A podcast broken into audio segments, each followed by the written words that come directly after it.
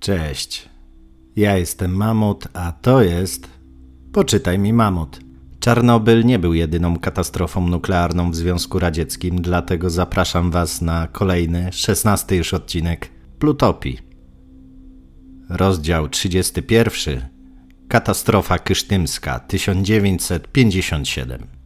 Kiedy poznałam Galinę Pietrową, była osiemdziesięcioparolatką. Chodziła o lasce i miała tylko dwa przednie zęby. Roztaczała wokół siebie woń starości i chorób. Powiedziała, że boi się, co będzie, jeśli o naszej rozmowie dowiedzą się władze. Całe życie czekałam, żeby opowiedzieć to, co teraz powiem, stwierdziła prawie szeptem. Była pewna, że jest obserwowana. Mówiła, że w Oziorsku są tacy, którzy zaczajają się na starych ludzi i ich mordują. Po mieście krążyło wiele takich opowieści. Powiedziała to wszystko podczas pierwszych kilku minut naszego spotkania. Zdałam sobie sprawę, że Pietrowa stanowi klasyczny przypadek niewiarygodnego świadka. Zamieszkała w Oziorsku w styczniu 57 roku. Podkreśliła, że pochodzi z osiedla, a nie ze wsi. Różnica ta miała dla niej duże znaczenie. Po dwuletnich studiach medycznych wysłano ją na wieś do pracy. Był to dla niej gigantyczny krok wstecz. Po tym, jak mieszkałam na osiedlu, nie mogłam znieść życia na wsi, pośród lasu, w chacie dzielonej z dwoma innymi małżeństwami. Jej mąż wojskowy odczuwał dokładnie to samo. Oboje bardzo się cieszyli, kiedy skierowano ich do pracy w tajnym obiekcie. Oziorsk przerósł wszelkie ich oczekiwania. Nie było to osiedle, lecz miasto i to nie pierwsze lepsze, ale ładne, schludne i dobrze zaopatrzone. Prawie w ogóle nie musieli czekać na własne mieszkanie z elektrycznością i bieżącą wodą, ciepłą i zimną. Robiąc zakupy w eleganckich sklepach czy stojąc w kolejce do kinowej kasy z dobrze ubranymi parami, Pietrowa i jej mąż mieli poczucie, że zmierzają w stronę sowieckiej klasy średniej. Jednak w żadnym wypadku do niej nie należeli. Mąż Pietrowej nadzorował więźniów, a ona sama pracowała jako technik laboratoryjny w Centralnym Laboratorium Zakładowym, gdzie badała materiał biopsyjny pod kątem nowotworów. W 1957 roku upłynął 10-12-letni okres utajenia dla pracowników narażonych na wysokie dawki w okresie rozruchu kombinatu, to też u wielu z nich pojawiły się narośle do zbadania i mieli powiększone węzły chłonne. Miałam mnóstwo pracy, wspomina Pietrowa. Musieliśmy strasznie gonić z robotą. Wydano jej płytkę z emulsją dozymetryczną, którą miała zawsze nosić. Inne młode laborantki powiedziały jej jednak, żeby zdejmowała płytkę podczas brudnej roboty, bo gdyby otrzymała dawkę większą od dopuszczalnej, wszystkie kobiety pracujące na jej zmianie straciłyby miesięczną premię BHP. Pietrowa posłuchała koleżanek, ale zaczęła podejrzewać, że dzieje się coś dziwnego. Pewien dozymetrysta powiedział Pietrowej, że jej szef przechowuje pluton 239 i 238 oraz Ameryk w drewnianej szafie w jej laboratorium. Kiedy Pietrowa wylała na laboratoryjny fartuch jakiś roztwór, od innego dozymetrysty usłyszała: Musisz powiedzieć swojemu szefowi, żeby zabrał wszystkie te butelki z twojego laboratorium. Było jednak za późno. Jedna z koleżanek Pietrowej miała już problemy z tarczycą, leczone metodami eksperymentalnymi. Od tych świństw tylko jej się pogarszało. Powiedziałam jej, żeby przestała to zażywać, wspomina Pietrowa. Powiedziałam jej, że nie musi być królikiem doświadczalnym.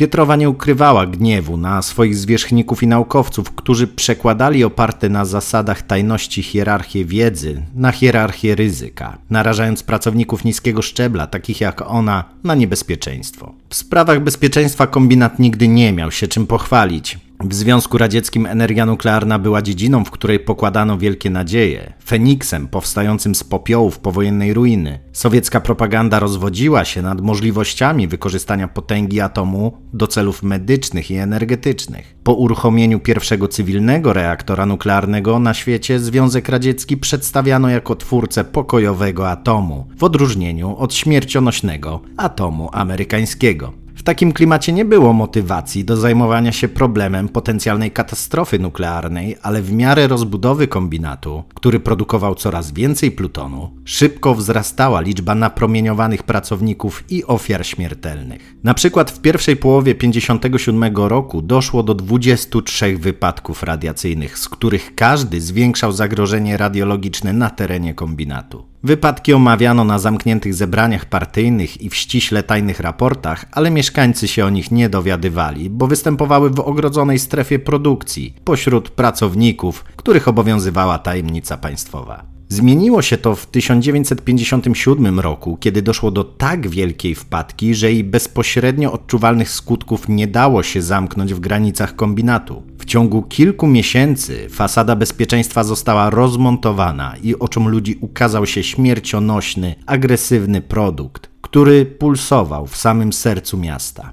29 września było pogodnie, słonecznie i ciepło. Tłum kibiców oglądał mecz, kiedy o godzinie 16.20 stadionem wstrząsnęła eksplozja. Nikt nie wpadł w panikę i tylko nieliczni odwrócili wzrok od boiska. Widzowie byli przekonani, że więźniowie wysadzają skały pod fundamenty jakiegoś nowego obiektu przemysłowego. Chwilę po eksplozji nuklearnej o mocy megatony trotylu kibice dalej oglądali, piłkarze grali, barmani nalewali piwo. Źródłem wybuchu był podziemny zbiornik ze skażonymi odpadami radioaktywnymi, które się przegrzały i spowodowały eksplozję, wyrzucając położoną 7 metrów pod powierzchnią 160-tonową betonową pokrywę na wysokość 23 metrów. W pobliskich barakach popękały szyby, a żelazne bramy w ogrodzeniu wyrwało z zawiasów. Kolumna radioaktywnego pyłu i dymu wzniosła się na wysokość kilkuset metrów i przybrała charakterystyczny kształt grzyba. Więźniowie i żołnierze, oszołomieni, niektórzy krwawiący, wyszli na zewnątrz i patrzyli, jak szary obłok oddala się od miasta nad terenem kombinatu.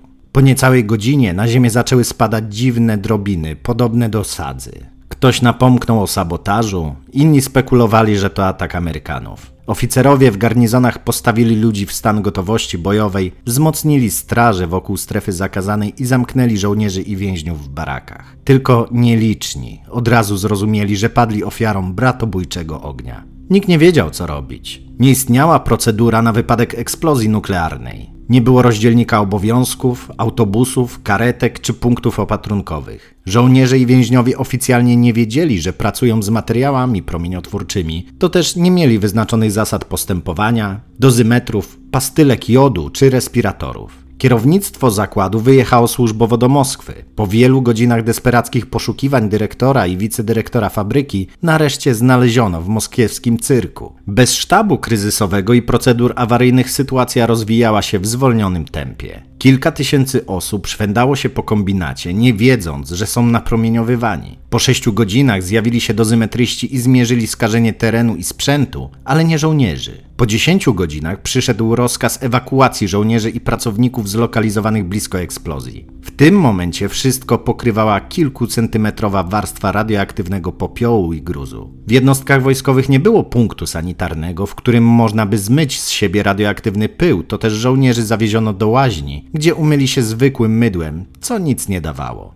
Dopiero po wielokrotnym myciu z użyciem szarego mydła wskazówki liczników Geigera zaczęły się trochę mniej wychylać. Galina Pietrowa powiedziała mi, że tego dnia wezwano ją do pomocy na pogotowiu. Kiedy pędziła do garnizonu, widziała szarą sadzę opadającą do jeziora Irtiasz, z którego miasto czerpało wodę pitną. Widok żołnierzy wzbudził w niej przerażenie. Młodzi ludzie byli bladzi, wymiotowali, krwawili, a niektórym już zaczynały wypadać włosy. Któryś z nich poprosił ją, żeby zadzwoniła do jego matki na Ukrainie i kazała jej przyjechać. Przynajmniej zdążyła na czas, wspomina Pietrowa, i nie umarł samotnie. O więźniach najwyraźniej zapomniano i nie zostali ewakuowani wieczorem po katastrofie. Stołówka była w remoncie, więc zjedli obiad na nieheblowanych deskach pokrytych dwoma centymetrami popiołu, który odgarniali rękoma. Następnego dnia więźniowie siedzieli i patrzyli, jak żołnierze wywożą karabiny i artylerię z pobliskiego garnizonu. Georges Afanasiew był młodym skazańcem aresztowanym w 1947 roku za spóźnienie się do pracy o więcej niż 20 minut. Swoją historię opowiedział dziennikarzowi Moscow News w 1993 roku, krótko przed śmiercią na raka.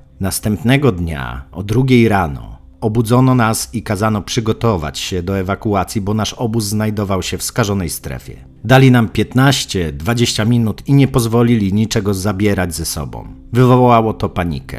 Więźniów załadowano na ciężarówki bez plandek i zawieziono do lasu. Na dużej polanie stały rzędy stołów z nowymi ubraniami i bielizną. Dozymetryści zmierzyli poziom skażenia więźniów. U Afanasiewa radiacja zebrała się na zębach i włosach. Igła podskoczyła do 800 mikrorentgenów, co oznaczało, że stał się on niebezpiecznym źródłem skażenia. Jakiś pułkownik powiedział do więźniów przez megafon, że radiacja wyleczy wszystkie ich dolegliwości. Potem kazał im się rozebrać i pomaszerować do łaźni. Stos napromieniowanych ubrań, książek i harmonijek pozostałych w obozie kisił się przez kilka tygodni, bo nikt nie miał odwagi się do niego zbliżyć. Kiedy dyrektor kombinatu Michał Demianowicz wrócił z Moskwy, w pierwszym odruchu chciał wykorzystać zamkniętą strefę przemysłową do ukrycia informacji o wypadku przed mieszkańcami Oziorska i kontynuować produkcję plutonu tak, jakby nic się nie wydarzyło. Szef Wydziału Budowlanego Stefan martwił się o opóźnienia w stawianiu od dawna wyczekiwanego zakładu radiochemicznego Dubl B, zlokalizowanego najbliżej miejsca eksplozji. Skarżył się, że jego ekipy nie mogą pracować, bo plac budowy jest zasypany radioaktywnymi gruzami. Trzy dni po wybuchu promieniotwórczość na tym obszarze wynosiła 4 do 6 tysięcy mikrorentgenów na sekundę, setki razy więcej od dopuszczalnej dawki. Na dachach notowano 10 tysięcy mikrorentgenów, a na krawędzi krateru 100 tysięcy. Wychlapane, płynne odpady zawierały 18 milionów kiurów radioaktywności, w tym mniej więcej połowę od strontu 90 i cezu 137 niebezpiecznych izotopów, które umiejscawiają się w szpiku kostnym, a ich czas półtrwania wynosi 30 lat. Kierownictwo zakładu rozważało rezygnację z Double B i budowę nowego zakładu na bezpieczniejszym terenie, ale w ten strategicznie kluczowy obiekt zainwestowano już tyle milionów rubli i opóźnienie było tak ogromne, że ostatecznie postanowiono zlecić robotnikom i żołnierzom oczyszczenie placu budowy. Przez kilka dni nic się nie działo. Oficerowie bali się wysyłać żołnierzy do skażonej strefy, a kiedy już to robili, poborowi początkowo odmawiali. Inżynierowie nadzoru trzymali się z dala od placu budowy ze strachu przed skażeniem. Sformowano straż, która miała pilnować, żeby robotnicy nie porzucali pracy. Nikt nie miał doświadczenia w oczyszczaniu napromieniowanych terenów. Rosyjscy urzędnicy nazywają sprzątanie po katastrofie nuklearnej likwidacją, ale jest to eufemizm. Izotopów radioaktywnych nie da się zlikwidować, można je tylko przenieść w miejsca, w których wyrządzają mniejsze szkody. Likwidację prowadzono dosłownie w biegu. Żołnierze, pracownicy kombinatu i robotnicy budowlani mieli kilka minut na wbiegnięcie z łopatą na skażony teren. Żołnierze najpierw usunęli popiół i gruz z drogi i polali ją wodą.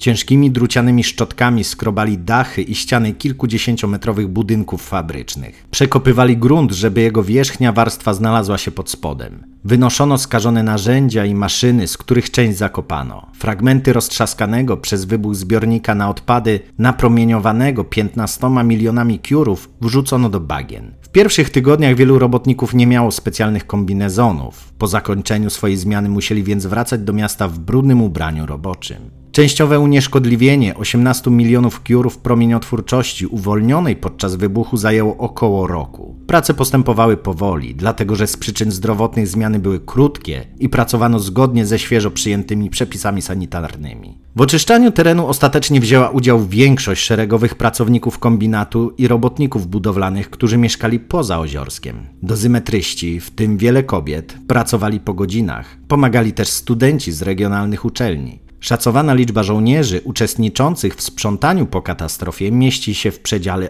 od 7,5 do 25 tysięcy. Tak duża rozbieżność wynika z tego, że likwidatorów nie rejestrowano, nie notowano dawek napromieniowania przyjętych przez robotników niewykwalifikowanych z najniższego szczebla hierarchii pracy. Najbardziej narażeni byli jednocześnie najmniej monitorowani. Robotnicy budowlani z poboru, których szefowie placów budowy przeklinali, bo pojawiali się i znikali, po katastrofie okazali się bardzo przydatni. Wykorzystując żołnierzy i więźniów do pracy na skażonym terenie, kierownictwo kombinatu mogło utrzymywać oficjalną linię propagandową, że na skutek wypadku nikt nie zginął. W odniesieniu do pracowników etatowych była to prawda. Naoczni świadkowie mówią jednak, że wszystkie łóżka szpitalne były zajęte przez chorych i konających likwidatorów. Po leczeniu żołnierzy zwalniano do cywila, a więźniów przedterminowo wypuszczano na wolność. Późniejsze losy 92% likwidatorów nie trafiły do dokumentacji medycznej. Najbardziej kłopotliwe dla władz miasta było to, że likwidatorzy szerzą wśród ludzi i skażenie, i panikę. Przy czym problem paniki i pogłosek budził większe obawy niż skażenie promieniotwórcze. Wiele osób rozumie wypadek nie tak jak powinno, powiedział dyrektor kombinatu Demianowicz do grupy komunistów. Niektórzy robotnicy są spanikowani. Wielu komunistów w zakładzie sieje panikę, wielokrotnie zawyżając skalę i skutki wypadku. Zgodził się z nim szef organizacji partyjnej Mardasow. Ci, którzy szerzą w mieście panikę, nie są komunistami. Mardasow planował uroczyste obchody 40. rocznicy wielkiej socjalistycznej rewolucji październikowej z udziałem wielkich osiągnięć sowieckiej techniki, m.in. niedawno wystrzelonego w przestrzeń kosmiczną Sputnika. Wiadomość o eksplozji na skalę Hiroshimy kiepsko wpisywała się w ten scenariusz. Pierwszym odruchem władz miasta było stłumienie wszelkiej dyskusji o katastrofie metodą zablokowania przepływu informacji przez granice stref. Produkty rozszczepienia nie uznawały jednak tych granic. Nie wiedząc, że są napromieniowani, pracownicy nieświadomie zanosili do domów radioaktywne izotopy na skórze, ubraniach i butach. Ciężarówki i autobusy rozwoziły po mieście skażenie na oponach. Ludzie myli skażone samochody w jeziorze, w którym inni łowili ryby i pływali. Tajemniczych i nieuchwytnych izotopów promieniotwórczych nie dało się powstrzymać. W ciągu tygodnia po eksplozji skażone kelnerki w miejskiej restauracji podawały skażone jedzenie, za które klienci płacili skażonymi pieniędzmi. Ale informacji również nie dało się zamknąć w granicach strefy. Oficjalnie milczano na temat katastrofy, ale ludzie wymieniali się wiadomościami o niej na zatłoczonych przystankach autobusowych. Bojąc się o swoje zdrowie i zdrowie członków rodziny, pracownicy porzucali pracę i wyjeżdżali z Oziorska. Masowo opuszczano strategicznie ważną, a jednocześnie silnie skażoną fabrykę 25. Członkowie partii nie mogli się zwolnić z pracy na własne życzenie, więc wagarowali albo naruszali przepisy, żeby ich wyrzucono. Niektórzy wykonali drastyczny krok i oddali legitymację partyjną. Obawy władz okazały się uzasadnione. Wybuchła powszechna panika, której skutki mogły mieć ogromny wpływ na przyszłe losy miasta i kombinatu. Dwa miesiące po wypadku sekretarz Miejskiego Komitetu Partyjnego Mardasow wyraził pogląd, że ukrywanie faktów tylko pogarsza sytuację. Domagał się, żeby komitet wydał komunikat o wypadku. Rozesłał po mieście wykładowców, którzy mieli zapewniać mieszkańców, że miasto jest bezpieczne. Na ten propagandowy cel przeznaczył 11 milionów rubli. Wykładowcy przyznawali, że był wypadek, stwierdzali, że nikt nie odniósł obrażeń i ostrzegali, że rozpuszczanie fałszywych pogłosek równa się zdradzie stanu. Tymczasem dozymetryści dokonali w mieście pomiarów i ustalili, że najbardziej skażone są ulice Lenina i Szkolna, przy których mieszkało kierownictwo kombinatu. Poinformowani o tym partyjni aparatczycy podjęli decyzję o przywróceniu miasta do stanu czystości sprzed wypadku. Zmierzono poziom skażenia w każdym mieszkaniu. Przy wjazdach do miasta na pracowników czekały czyste autobusy. Ludziom kazano zdejmować buty przed wejściem do mieszkania. Samochody należało myć co najmniej raz w tygodniu. Skażone narzędzia, ubrania i buty zniszczono. Zasieki wokół miasta, pierwotnie pomyślane jako bariera dla nuklearnych tajemnic, przydały się zatem do zatrzymywania na zewnątrz skażenia radioaktywnego. Podwójny pierścień płotów i wieżyczek strażniczych zagradzał drogę wielu nosicielom promieniotwórczych izotopów. Wiatr oczywiście bimbał sobie z tych zabezpieczeń, ale na szczęście dla mieszkańców Oziorska najczęściej wiał w kierunku północno-wschodnim, więc oddalał, a nie przybliżał trujące substancje. Na posterunkach kontrolnych zawracano pojazdy, sprzęt i pracowników, jeśli zmierzono, że napromieniowanie jest za wysokie. Kwarantanna funkcjonowała niemal automatycznie, bo była wpisana w poszufladkowany nuklearny krajobraz. Żołnierze, więźniowie i robotnicy budowlani, z których większość pracowała na skażonym terenie, od dawna mieszkali w swoich garnizonach, obozach i wsiach, oddalonych o wiele kilometrów od Oziorska. Odrębne strefy odegrały ważną rolę sanitarną w ochronie zamkniętego miasta przed radioaktywnymi izotopami. Innymi słowy, sztucznie stworzone strefy nagle stały się najzupełniej realnymi i ratującymi życie granicami między względnie czystym, socjalistycznym miastem, a coraz bardziej zatrutymi osiedlami dla napływowych robotników, których łatwo było wymienić na nowych.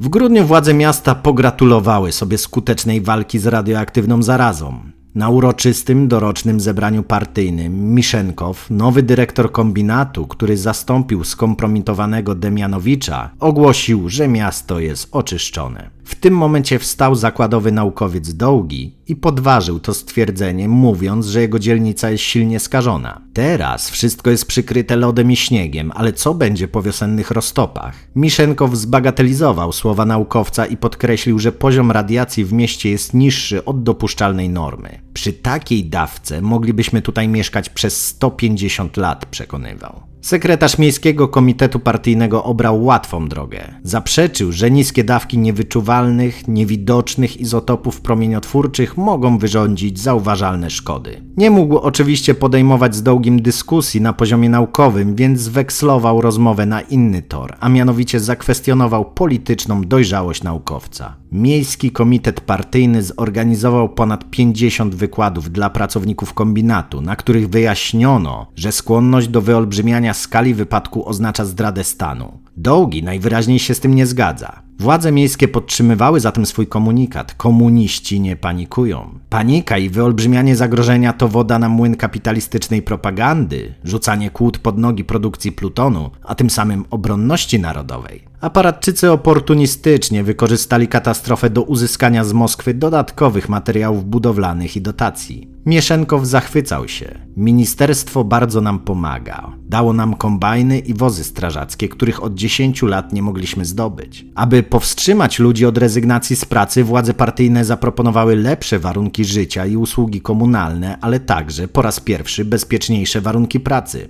Kombinat otrzymał respiratory i ekwipunek ochronny. Zaplanowano automatyzację niebezpiecznych czynności i remont starzejących się, skażonych warsztatów. Pojawił się temat szkoleń dla pracowników. Zaproponowano również zbadanie wody w miejskich wodociągach i stworzenie w Oziorsku służby kontroli radiologicznej. Po tych krokach w Oziorsku zakończył się stan wyjątkowy. Partyjne działania propagandowe, które miały zapewnić mieszkańców, że ich miasto jest czyste, przyniosły efekty. Pracownicy stopniowo przestali odchodzić, a wiele rodzin, które uciekły, po czym doświadczyły znacznie biedniejszego życia w szerokim świecie, za bramami miasta, otrzymało zgodę na powrót. Ludzie ci pisali listy, w których prosili o pozwolenie na przyjazd do zamkniętego miasta z dobrze zaopatrzonymi sklepami, znakomitą opieką medyczną i dużymi mieszkaniami. Byliśmy głupi, pisali. Prosimy, przyjmijcie nas z powrotem.